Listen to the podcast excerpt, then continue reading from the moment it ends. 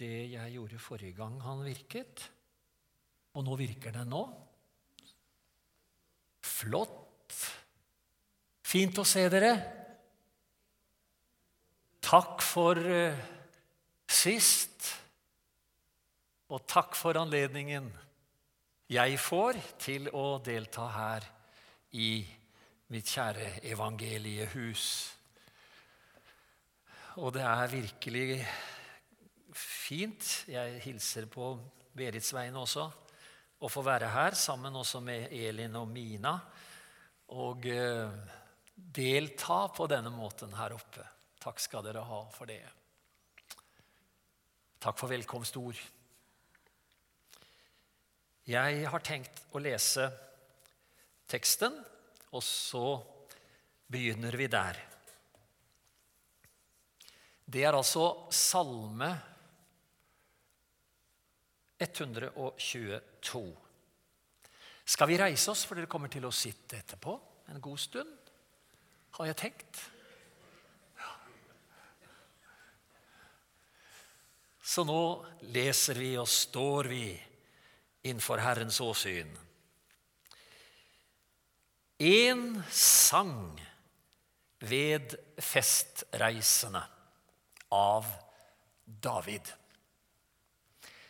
Jeg ble glad da de sa til meg, 'Vi vil gå til Herrens hus'. Jeg var redd for dere ikke kunne lese det. Det er for en liten skrift, det der, er det ikke det? Eller vil dere prøve? Da følger jeg med, jeg også. Da har vi altså satt det første. Jeg ble glad da jeg De sa til meg, 'Vi vil gå til Herrens hus'. Og så fortsetter vi neste vers. Våre føtter står i dine porter, Jerusalem. Vi leser høyere. Jerusalem, du er bygd som en hel og samlet by.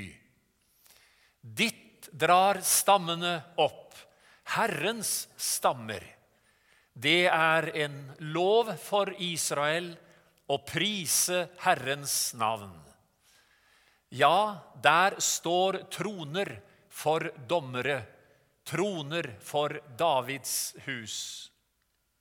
Be om fred for Jerusalem. Må de som elsker deg, leve trygt. Må fred råde innenfor dine voller. Trygghet i dine borger. For mine brødres og vennes skyld vil jeg si fred over deg. For tempelets skyld, Herren vår Guds hus, vil jeg ønske deg det gode.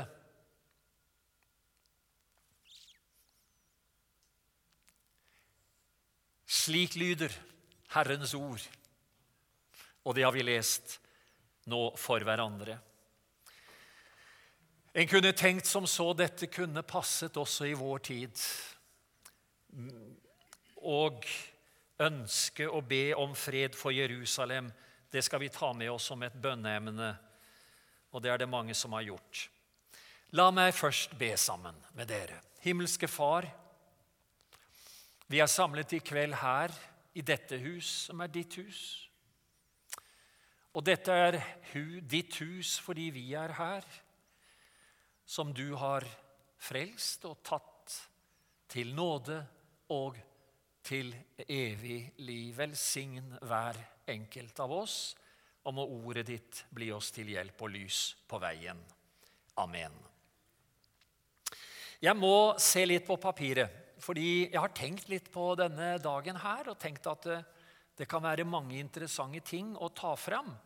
Eh, temaet det er jo tilbedelse. Tilbedelse. I lang lydighet. Disippelliv i en øyeblikkskultur. Jeg vet ikke om jeg har eh, knekt koden. Mm, men eh, la meg nå, la meg nå begynne med å si da, at eh, disse salmene som dere nå tar utgangspunkt i, det er jo til sammen 15 salmer. Disse salmene de eh, er altså sanger ved festreisene opp til Jerusalem, som jødene hadde. Ehm, det er altså sanger, punkt én. Punkt to det er reisesangene. Eh, de sang dem på reisene. Og ehm, det er slik at når Israels folk eh, skulle komme inn i landet, så hadde de fått noen oppdrag fra Gud. Eh, og det var bl.a. at de tre ganger om året skulle reise opp til Jerusalem. Tre ganger. Til helligdommen. Til helligdommen. Og det var de som bodde innenfor altså der stammene bodde. De ble jo tildelt forskjellige områder, de tolv stammene. Og de hadde et spesielt oppdrag, de som var så heldige, da, for å kalle det det, de som ikke bodde i diasporaen. Men de var så heldige at nå kunne de altså fullføre det oppdraget Gud hadde gitt dem. Tre ganger skulle de dra opp til Jerusalem.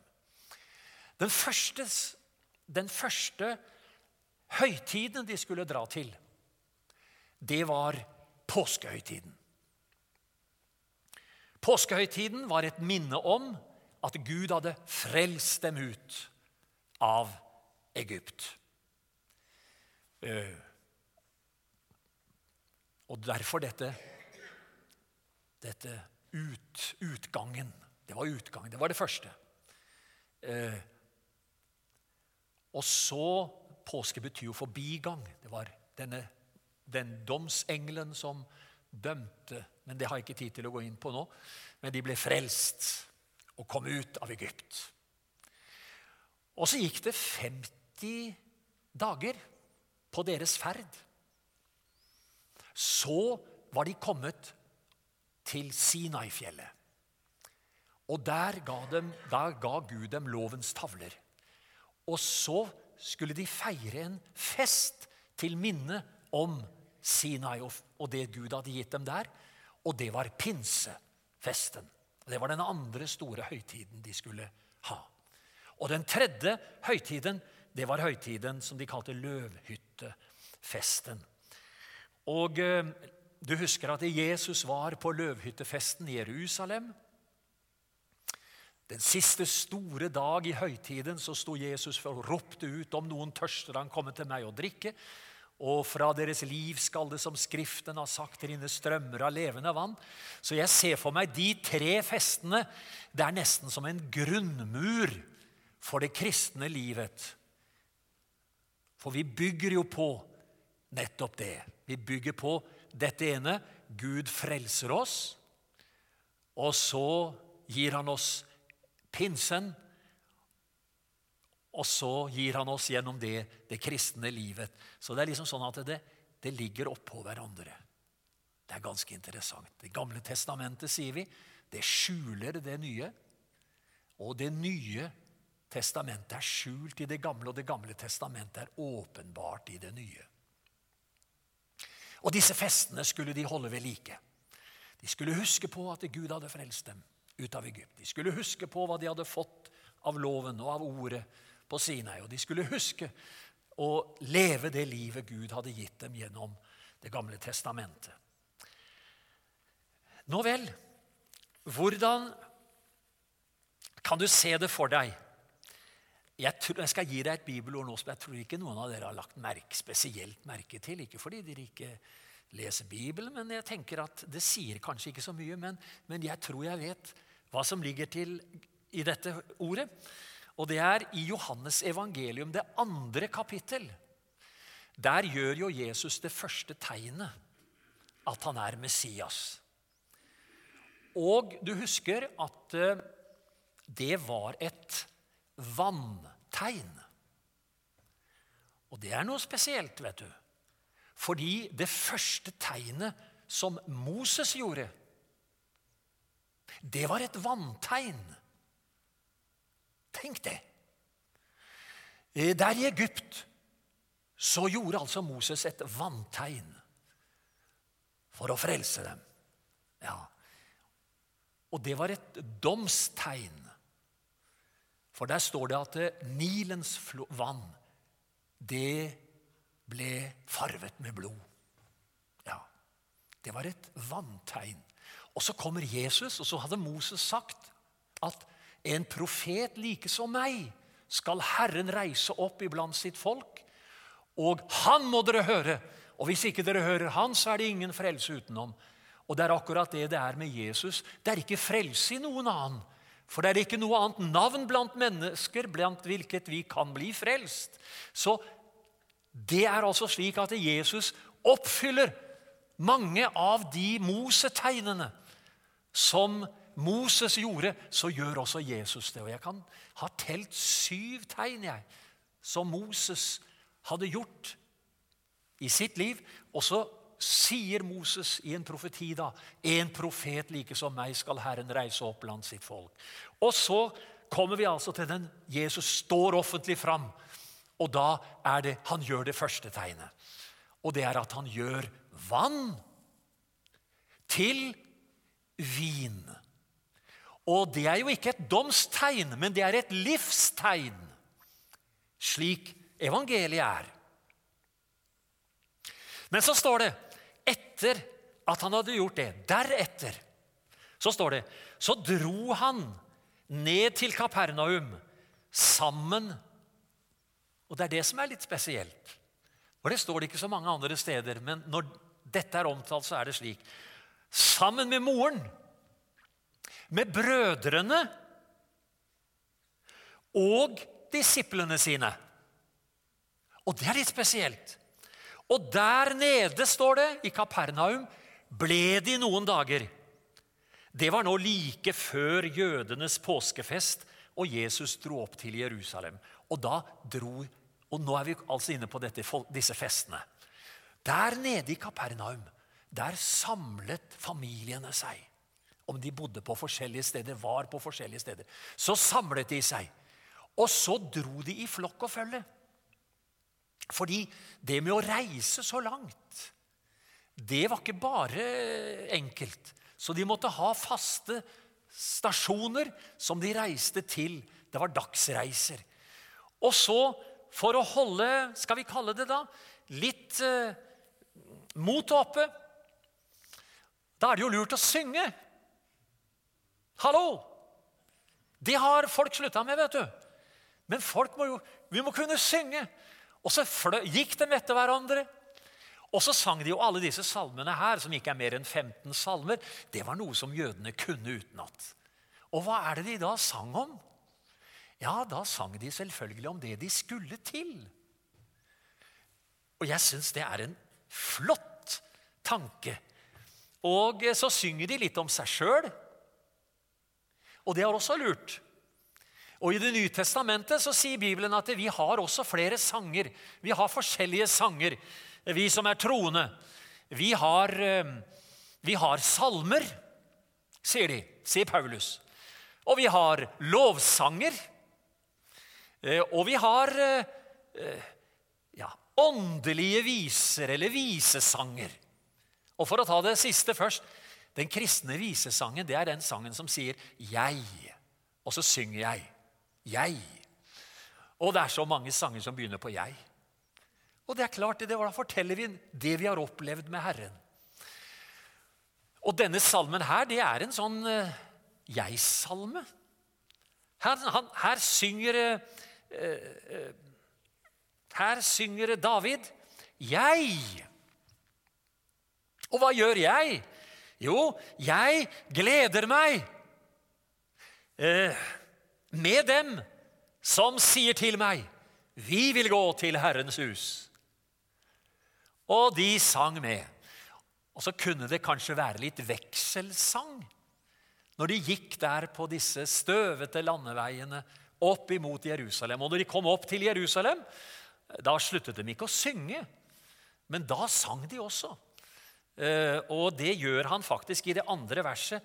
Våre føtter står, sier han her, i dine porter, Jerusalem. Og så sang de. Fram med sangen. Og vi har jo så mye å synge om. Vi har jo også salmer. Og vi har også lovsanger. Og eh, jeg sier det bare. Det er et, et en, Skal vi kalle det Det er et mangfold som vi skal ta inn over oss at Gud har gitt og gjort. Og det har holdt på gjennom generasjoner. Det var det. Jeg hadde bare lyst til å ta fram én ting som, som, eh, som, har med sangen å gjøre.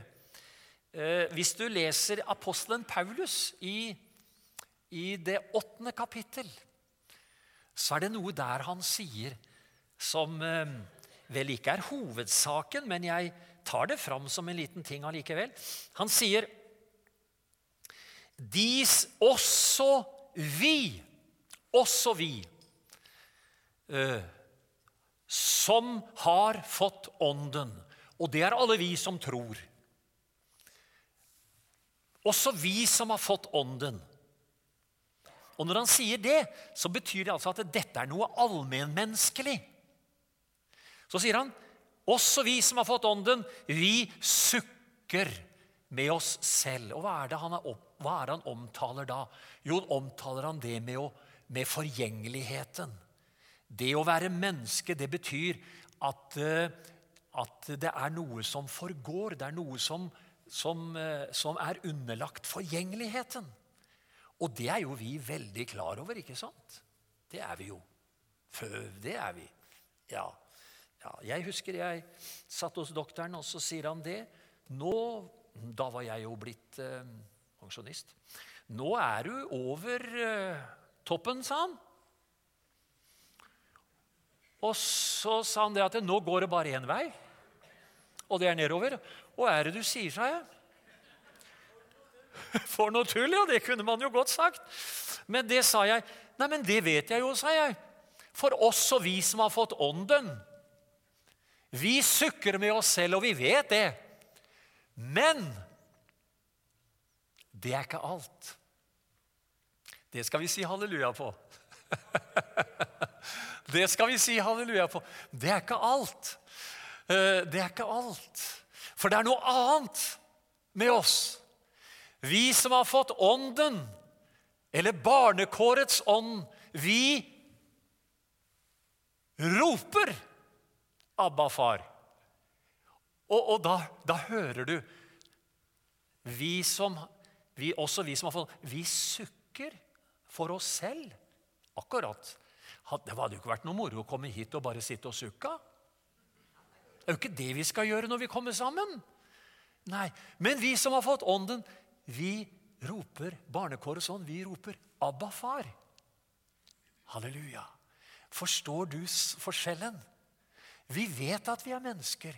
Vi vet om ikke Jesus kommer og henter oss, så kommer døden å gjøre det. Men vi som har fått Ånden, vi har jo noe mer i vente. Halleluja. Og det må vi synge ut. Det er håpet som vi eier i Jesus Kristus. Ja. Og så begynner altså i salmen her, så fortsetter, eh, så fortsetter David, og så skildrer han eh, Jerusalem og, eh, og dets og, og, hva Jerusalem var for dem, og hva tempelet var for dem. Det aller helligste. Så også i dag så er jøder veldig forsiktige med hvor de går hen, om de går opp på tempelplassen. For der var det aller helligste. Og der var det ingen som kunne gå inn uten ypperste presten én gang om året. Og da gikk han inn i det aller helligste og var beskyttet av offerblodet som han brakte inn der. Forstår du? Og Derfor er jødene nøye. Så det nærmeste veldig mange går, det er når de går inn i tunnelen som er langs tempelet. Og da er det en liten, liten, liten synagoge inne i tunnelen. Og der sitter det mange kvinner. Ja, mange blir de ikke, kan de ikke bli, for det er så lite der. Og der er det spesielt kvinner som, eh, som er ufrivillig barnløse, som samles der, for nærmere Gud kan de ikke komme enn nettopp der, har de en tanke om. For det er det nærmeste du kan komme det aller helligste. Nå vel, i dag så er det jo slik at på tempelplassen så finnes det jo en annen helligdom. Eh, og der er det jo skrevet også at Gud har ingen sønn. Eh, det er en islamsk helligdom. Men eh, det tror jo vi at Gud har. Ikke sant? Jesus Kristus. Vi bekjenner, som Bibelen bekjenner, at du, Jesus, du er Messias, den levende Guds sønn. Og jeg syns det er så fint å løfte fram Jesaja 9. Det er i Det gamle testamentet. Jesaja 9, vet du. Og det sjette vers. Et barn er oss født, og en sønn er oss gitt. Og herredømmet er på hans skulder.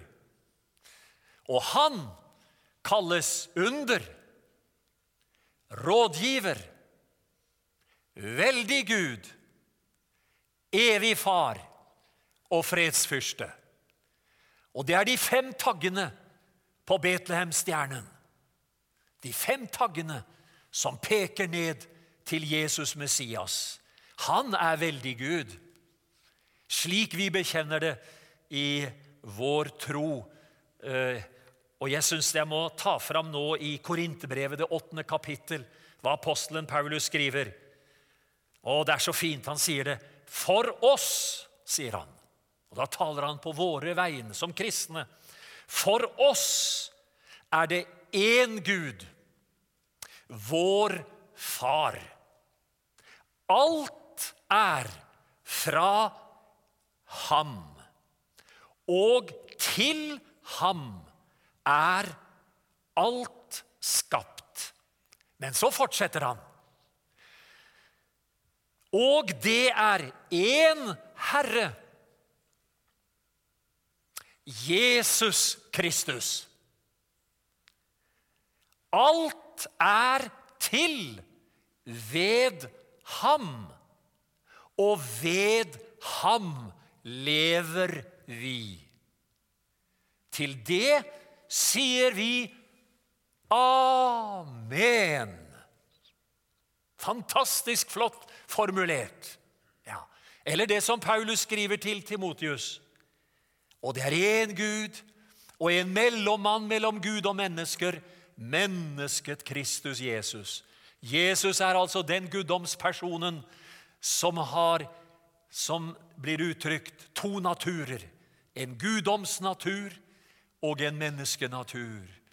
Og så er han blitt veien, sannheten og livet i Gud. Takk, Jesus Kristus for det. Jeg ser for meg disse vandrerne som tre ganger om året drar opp til Jerusalem. Og så har jeg og Berit også hatt gleden av å reise mange ganger. Og Nå skal jeg gi dere en liten smakebit. Når vi kommer opp mot Jerusalem, så I et gitt situasjon, i det vi ser land, byen, så setter vi på en sang. Og den skal dere få nå. Og dere må sette dere inn på benken. Og så må dere høre og tenke dere Nå ser jeg den byen som disse gikk til når de skulle feire. Fordi for deres del så gikk de dit fordi Herrens navn, står det, bodde der. I tempelet, i det aller helligste. Herrens navn bodde der. Og vi reiser der fordi han, Jesus, gjorde det han gjorde. Nettopp der. Og hør, John som synger her en fantastisk fin sang for oss. Vær så god, sett den i gang.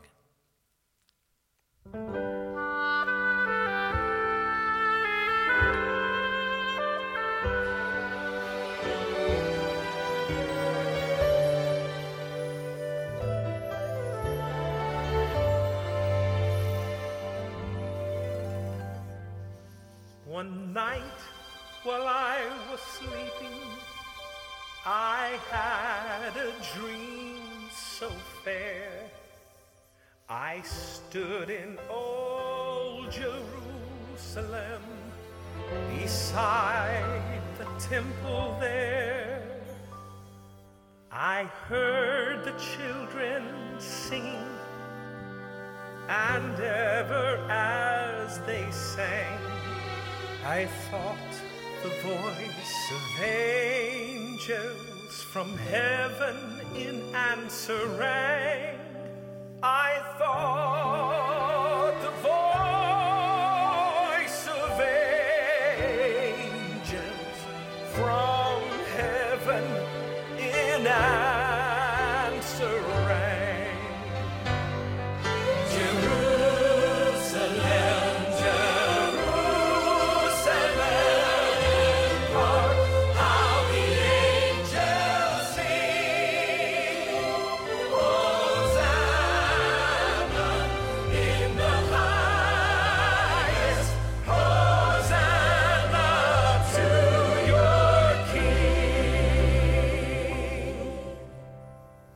then I thought my dream was changed.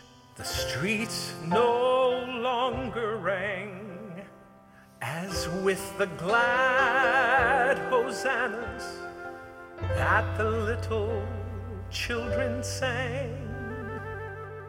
The sun grew dark with mystery, and the morn was cold and chilled as the shadow of a cross arose upon a lonely hill. As the shadow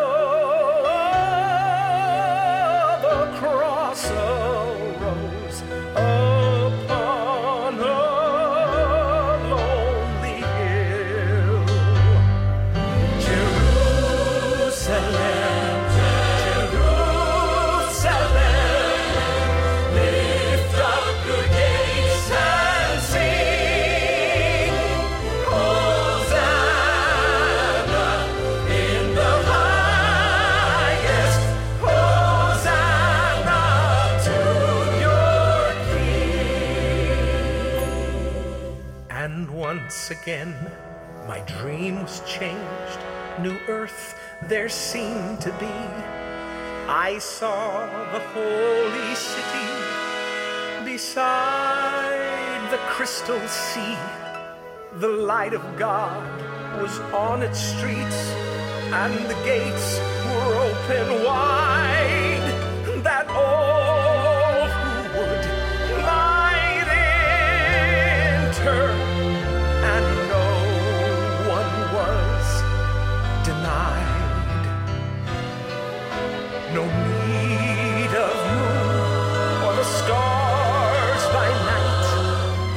Sun to shine by day.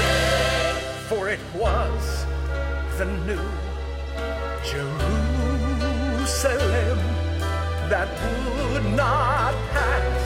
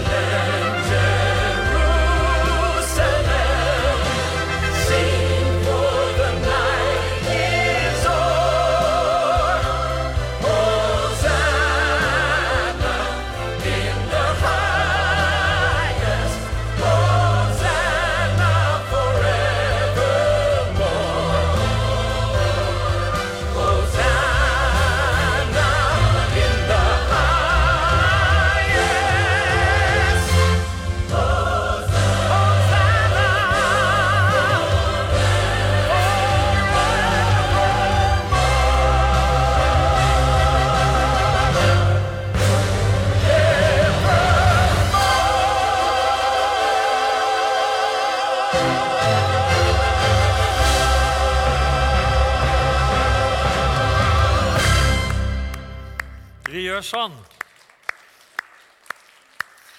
Skal jeg fortelle dere en fantastisk sak? Hør nå. Her sang han jo om det Jerusalem som ligger der nede. Men Jerusalem er et flertallsord. Det er jo det som er så fantastisk. Jerusalem er et flertallsord. Og dette åpenbarer Bibelen på en sånn perfekt måte. Jo, det er et Jerusalem der nede. Der hvor Abraham vil ofre sin sønn Isak. Det er der det ligger. Det er der hvor Isak og patriarkene og stammene samler seg, osv., osv. opp igjennom. Det er der. Men det er også et Jerusalem. Og, og Bibelen bruker uttrykket 'som er der oppe'. Altså et himmelsk Jerusalem. Og Nå skal jeg lese for dere hva det står. Jeg så den hellige byen. Det er Johannes som sier. Det nye Jerusalem stiger ned fra himmelen fra Gud. Gjort i stand som en brud pyntet for sin brudgom, og jeg hørte en høy røst fra tronen si:" Se, Guds bolig er hos menneskene. Han skal bo hos dem, og de skal være hans folk. Hør nå. Når Paulus underviser i Galaterbrevet, så sier han det nåværende Jerusalem. Altså det som er der nede. Det lever i slaveri med sine barn. Det symboliserer pakten Sinai, står det. Men det Jerusalem som er i det høye, er fritt. Og det er vår mor. Interessant. Og dere, sier han om oss, dere, vi, er barn, slik som Isak, ut fra løftet som Gud hadde gitt. For du vet at hans fødsel, Isaks fødsel, var et under. Det var et under. Og slik var det jo også med vår åndelige fødsel. For vår åndelige fødsel, da vi ble Guds barn, så står det i Johannes 1,12.: Alle de som tok imot ham, altså Jesus, dem ga han rett til å bli Guds barn, de som tror på hans navn, de er ikke født av kjøtt og blod, ikke av menneskers vilje og ikke av manns vilje, men av Gud. Så her sitter vi alle som tror på Jesus. Og hva troen har brakt inn i våre liv, hva, hva er det?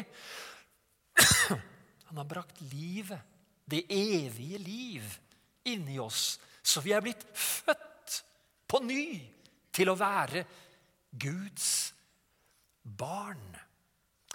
Og av Hans fylde har vi alle fått, og det er nåde over nåde. Du er blitt Du er gjenfødt. Jeg var litt redd for det ordet jeg til å begynne med i mitt kristenliv. For jeg skjønte liksom ikke hvordan i all verden Er jeg sikker på at jeg er gjenfødt? Ja. Hvordan kan jeg vite at jeg er gjenfødt? Jo, de som tror på Hans navn. Og det gjør jeg. Jeg tror på Jesus. Og troen har åpnet det perspektivet. Og derfor er det nye Jerusalem som en mor for oss alle som tror. Og hva fører dette til? Det fører til en tilbedelse. Det fører til at du og jeg, når vi står innfor Herren, så tilber vi Gud. Ja, det er stort å be. Ja, bevares. Jeg skal si det en gang til. Det er stort å be. Og vi har mange ting vi kan komme fram for Gud med. Men det er enda større å tilbe. Og det er det det er snakk om nå i kveld. Ja, vi tilber Gud. Det er altså ikke slik at vi har ønskelista hele tiden som vi må legge fram for Gud. Å, han må gjøre så mye for oss, han må gjøre så mye for oss. Vi kan gjøre det. Og Gud velsigne, det er godt. Det er en nådestol som er åpen for oss. Men det er så fint. Nå skal vi ta fram det som er enda Ja, enda, det er noe fint ved det. Vi skal tilbe ham. Hva vil det si å tilbe, da? Skal vi prøve å summere det opp lite grann? Summere det opp lite grann. Å tilbe. Og da, jeg, da, gjør jeg det akkurat som at det er et trappetrinn høyere for hver gang, men det inneholder alt sammen til sammen. Bli med meg nå. Jeg begynner med å si at det å tilbe det er å vise Faderen og Sønnen respekt. Ok? Det er respekt. Vi beveger oss i tilbedelsen innenfor Herren. Det har med respekt å gjøre innenfor det levende Gud og vår Herre Jesus Kristus. Men det er mer. Vi tar et steg til. Vi gir Gud, vår Far, og den Herre Jesus Kristus oppmerksomhet. Vår oppmerksomhet er ikke, er ikke, er ikke knyttet til alle ønskene, ønskene våre, men det er knyttet til Ham. Men det er mer. Vi tar det tredje. Tilbedelse er å gi Gud ære. Amen igjen er det dette. Nå ærer vi Gud. Kan jeg?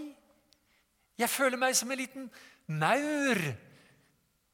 Og hva er vel jeg da? Vil Gud høre meg? Ja, han vil høre at du ærer ham. Og din ære til Faderen og Sønnen vil Den hellige ånd hjelpe deg til. For Den hellige ånds gjerning det er å kaste lys over Faderen og Sønnen og være med å puffe deg framover på troens vei. Men det er noe mer. Jo, det er at du beundrer ham. Det er tilbedelse. At jeg beundrer ham. Der behøver ikke de mange ordene, men jeg beundrer ham. Yes. Og det tredje er dette Nei, det femte blir det nå. Jeg bøyer mitt hjerte. Jeg bøyer mitt hjerte for ham. Mitt hjerte skal bøye seg for vår Far og den Herre Jesus Kristus. Og så kan du spørre meg hvordan skal jeg tilbe? Ja, du kan synge. Du kan løfte hender. Du kan være stille. Du kan ære ham. Du kan i det hele tatt Det er så mange måter å gjøre det på. Men bare ditt hjerte er bøyd innenfor Gud, så er det det som Herren ønsker. Halleluja. Og så vil jeg si om tilbedelse det er troens respons. Det er ikke kravet, men det er troens respons. Men det er ikke bare troens respons. Det er også takknemlighetens respons. Takknemlighetens respons. Og jeg tar det tredje ting også. Det er kjærlighetens respons. Og begynner du i tro, så fortsetter du gjerne i takknemlighet, og så fortsetter du videre inn i kjærlighet. Det er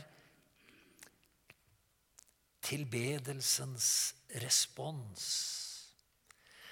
Og så har jeg bare et par-tre punkter nå til, så skal vi finne en landingsplass. Trenger Gud tilbedelse? Jeg tror jeg vil si med en gang Gud trenger ikke. Gud trenger jo ingenting. Gud er alt i alle. Gud trenger ikke, trenger ikke tilbedelse. Men vi trenger å tilbe. Jeg vil gjenta det. Gud trenger ikke tilbedere, tilbedelse. Du vet at Det er jo milliarder av engler som tilber ham også, forresten. Men han vil høre oss. Vi trenger å tilbe Gud. Halleluja. Og det er en del av vårt bønneliv. Det er en del av vårt bønneliv. Og så handler altså bønn Det gjør du for å få. Tilbedelse, det gjør du for å gi Gud respons. Og da tror jeg du vil kjenne en tilfredshet i ditt hjerte som er større enn mange bønnesvar. Vi får ta det derfra. Så langt. Jeg merket meg denne teksten som vi altså har fått nå i kveld. Så merket jeg at det, det var snakk om lydighet. Og Nå skal jeg bare si noe sånn avslutningsvis om det. Altså tilbedelse, lang lydighet, disippelliv i et øyeblikkskultur. Så vil jeg begynne med å si at uh, lydighet og disippelliv snakker vi alltid om i kristenlivet som en frivillig lydighet. Mennesket får et tilbud. Men Jesus befaler, ja. Men det er du og jeg som gir respons på den befalingen. Ehm, og da kjenner jeg at når jeg gir den responsen, så vil det ha noe Det vil være med å forvandle mitt liv. Når jeg gir svar fra Gud, fra Guds, eh, hva Gud spør meg om. Eh, da må jeg svare 'jeg vil'. Men vi snakker ikke så mye eh, akkurat om noe annet som vi opplever i våre liv som kristne i dag som vi gjorde før, kanskje, og ikke alltid i våre miljøer heller. Kanskje andre miljøer, mer lutherske miljøer, gjorde det. De snakket om at vi har et kjød. Og dette kjødet vårt, det som vi kaller også det gamle mennesket, det, det kan ikke gjøre Guds vilje, står det. Så det må du på en måte kutte ut. Du må, du må, slutte å tro at du, du, det gamle mennesket ditt vil gjøre Guds vilje. Nei, det vil ikke gjøre Guds vilje. det. Og Det er det som Paulus sier i Romerne. Han sier det vil heller ikke gjøre, det kan heller ikke gjøre det, sier Paulus. Og det er litt greit å være oppmerksom på. At du vet alltid i deg selv så finnes det noe som ikke vil gjøre Guds vilje. Det vil finnes noe i deg og jeg syns det er godt å vite at, at jeg har oppdaget det, og dette, dette, lever jeg godt med. Ja. For eh, jeg skal jo ikke gjøre kjødets og tankenes vilje, for det gjorde jeg jo som, som, eh, som, som ikke-kristen. Eh, da var vi under Guds vrede, like som de andre. Men Gud er rik på miskunn, og så har han gjenfødt oss til et levende håp. Det er altså dette. Vi har en alliert inni oss som også kan være vanskelig å ha med å gjøre av og til. Og da må vi ikke tenke som så ja, da nytter det ikke, da. Men da må du bare gå videre. Amen. Og så vil jeg si hvor kommer lydigheten fra? Jo, vår rydighet må også komme fra vår relasjon til Jesus.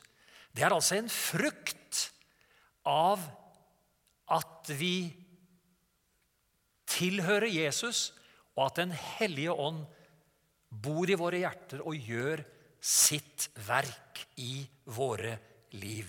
Så vær altså ikke forundret over at du av og til kjenner på det der, der i deg. Og Da må du ikke tenke på at ja, men jeg er jo ingen kristen da når jeg kjenner på det der. der. Jo, jo, jo, like mye. Men du bare vet at sånn er det i alle oss troende. Vi har sånn. Men vi synger. Og så synger vi oss videre. Så tar vi oss videre på troens vei.